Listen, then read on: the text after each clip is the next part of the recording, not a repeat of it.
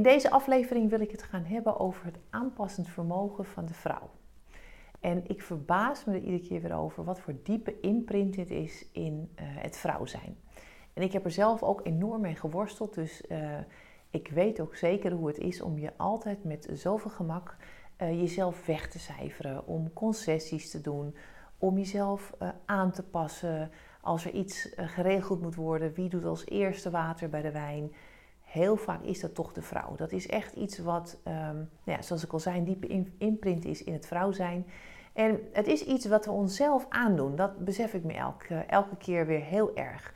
Dus daarom wil ik het, um, dit onderwerp eens even onder de loep nemen. En hoe is het nou eigenlijk tot stand gekomen? Want dit viel me binnen uh, doordat ik een chatgesprek had met een ouder, met een moeder.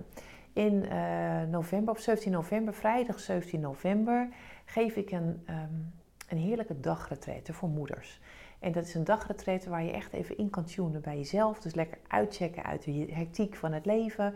En even inchecken bij jezelf. Want dat gaat nou eenmaal lastig als je in de alledaagse tred van het leven zit. Dus zo'n dag is dan heel fijn om even in te checken bij jezelf. Ik ga dan met moeders intunen op een innerlijk kind.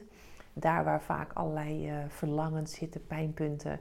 En daar kiezen we iets uit. En dat thema gaan we zeg maar doorwerken aan de hand van het levenswiel. Nou, deze moeder was geïnteresseerd en ze appte mij: Doe je het ook een keer op een zaterdag? Want ja, ik had wel heel graag gewild, maar een beetje lastig zo op vrijdag met kids en mijn man met een zakelijke afspraak buiten de deur. Hoor graag of je het een keer op een zaterdag doet.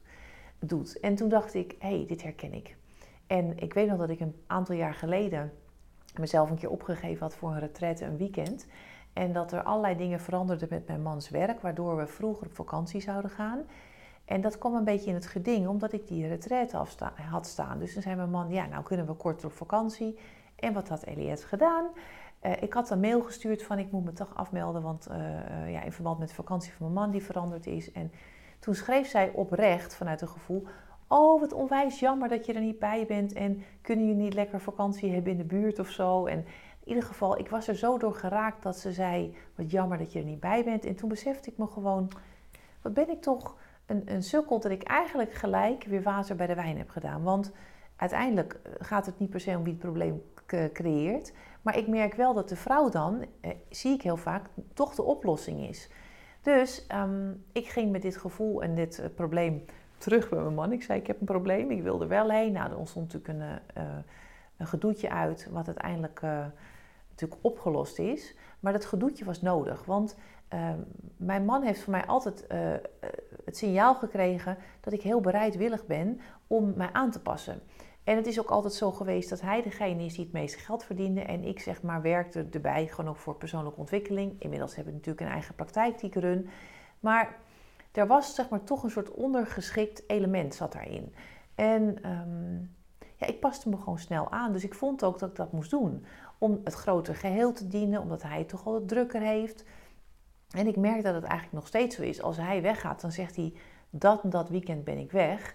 En uh, hij gaat er ook eigenlijk altijd vanuit dat ik het regel. En nou is het ook heel vaak zo. Maar waarom is dat zo? En ik ben ook benieuwd of jij dat uh, ook zo ervaart. Dat je, uh, als er iets geregeld moet worden, bijvoorbeeld als jij een weekend weggaat, met vriendinnen of whatever, wie zorgt dan voor de oplossingen? Wie belt de opa's en oma's? Wie eh, belt de oppas? Wie regelt dingen? Dus ik ben altijd even benieuwd. Hè. Überhaupt is de vraag natuurlijk of je in een relatie zit. Het kan ook zijn dat je een alleenstaande ouder bent. Maar als dat zo is, überhaupt, dan kan je bijvoorbeeld denken: doe ik dit ook zeg maar, op andere plekken? Dus ben ik dan ook altijd degene die de oplossing zoekt?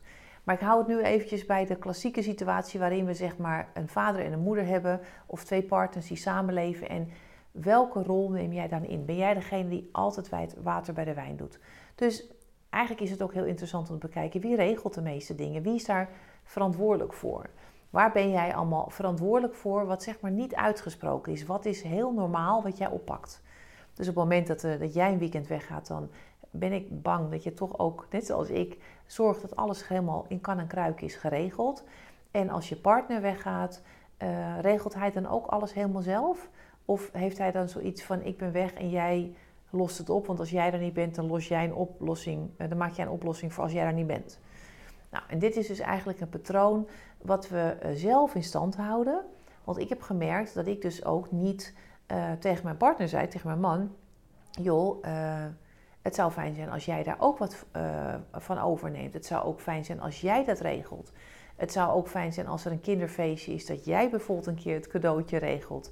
Het zou fijn zijn als we een hulp in de huishouding hebben, dat jij de afspraak maakt en dat jij zorgt dat er geld ligt. Het zijn allemaal hele kleine dingen, maar het zijn eigenlijk allemaal dingen die we uh, als oplossend vermogend persoon, als vrouw, vaak op, op ons nemen.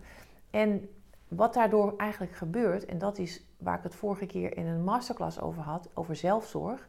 Heel veel stress die ontstaat bij vrouwen, uh, merk ik altijd, komt heel erg vanuit het mentale aspect.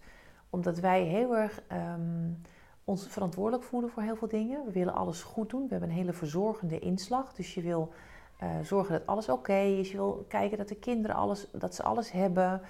En dat je overal over nadenkt. Dus als er morgen een nieuwe dag is, dan denk je: oh, het is maandag, dan hebben ze de gymtas nodig. Uh, ze hebben dan overblijft, dan moet ik ook het trommeltje klaarmaken. Dus je bent heel veel naar voren aan het denken. En grofweg gezien zie ik dat vrouwen dat veel meer doen dan mannen. Dat mannen het vermogen hebben om veel meer uh, wat dichterbij te blijven. Dus in het nu leven en hooguit wel een beetje naar voren toe denken. Maar die hebben niet dat gen over het algemeen om heel veel problemen naar de voorkant toe te creëren. Dus doordat je constant met je gedachten in het vooruit bent, dus niet in het nu, ben je ook al met die dingen bezig. Dus heb je zeg maar en, en, en, en, en. En dan wordt het zeg maar vol en druk en dan krijg je stress, ga je knibbiger, reageren. Dan doe je korter af, voel je overvraagd. Als iemand iets vraagt aan je, denk je, ja nou ik heb al zoveel. En dan denkt de ander, oh oké. Dus die mentale druk, dat is eigenlijk iets wat we onszelf aandoen. En um, ik hou erg van eigenaarschap. Dus we kunnen natuurlijk zeggen, ja, dat is ook zo lastig dat vrouwen dit hebben. En nou, ik denk altijd van, uh, als iemand het kan veranderen, dan zijn we dat zelf. Maar dan hebben we iets te doen. Dus mijn les is geweest om veel meer te vragen van, wil jij dit voor me doen? Uh, nee, ik regel dit niet. Ik laat het nu aan jou over. Uh, dus dat je heel erg die verantwoordelijkheid ook bij de ander neerlegt. Door het gewoon niet meer allemaal in jouw rugzak te stoppen. En dat is wennen. Um, maar vandaag kan het beginnen. Dus ik ben heel erg benieuwd, terwijl jij nu zo zit te luisteren naar wat ik vertel, A, of je het herkent. Dus of jij herkent dat je eigenlijk best wel vaak degene bent die alles oplost en die overal verantwoordelijk voor is. Um, en dan B, denk ik, welke taken die je allemaal gewoon doet, wat vanzelfsprekend is, welke van die taken kun je bijvoorbeeld ook prima aan je partner toedichten.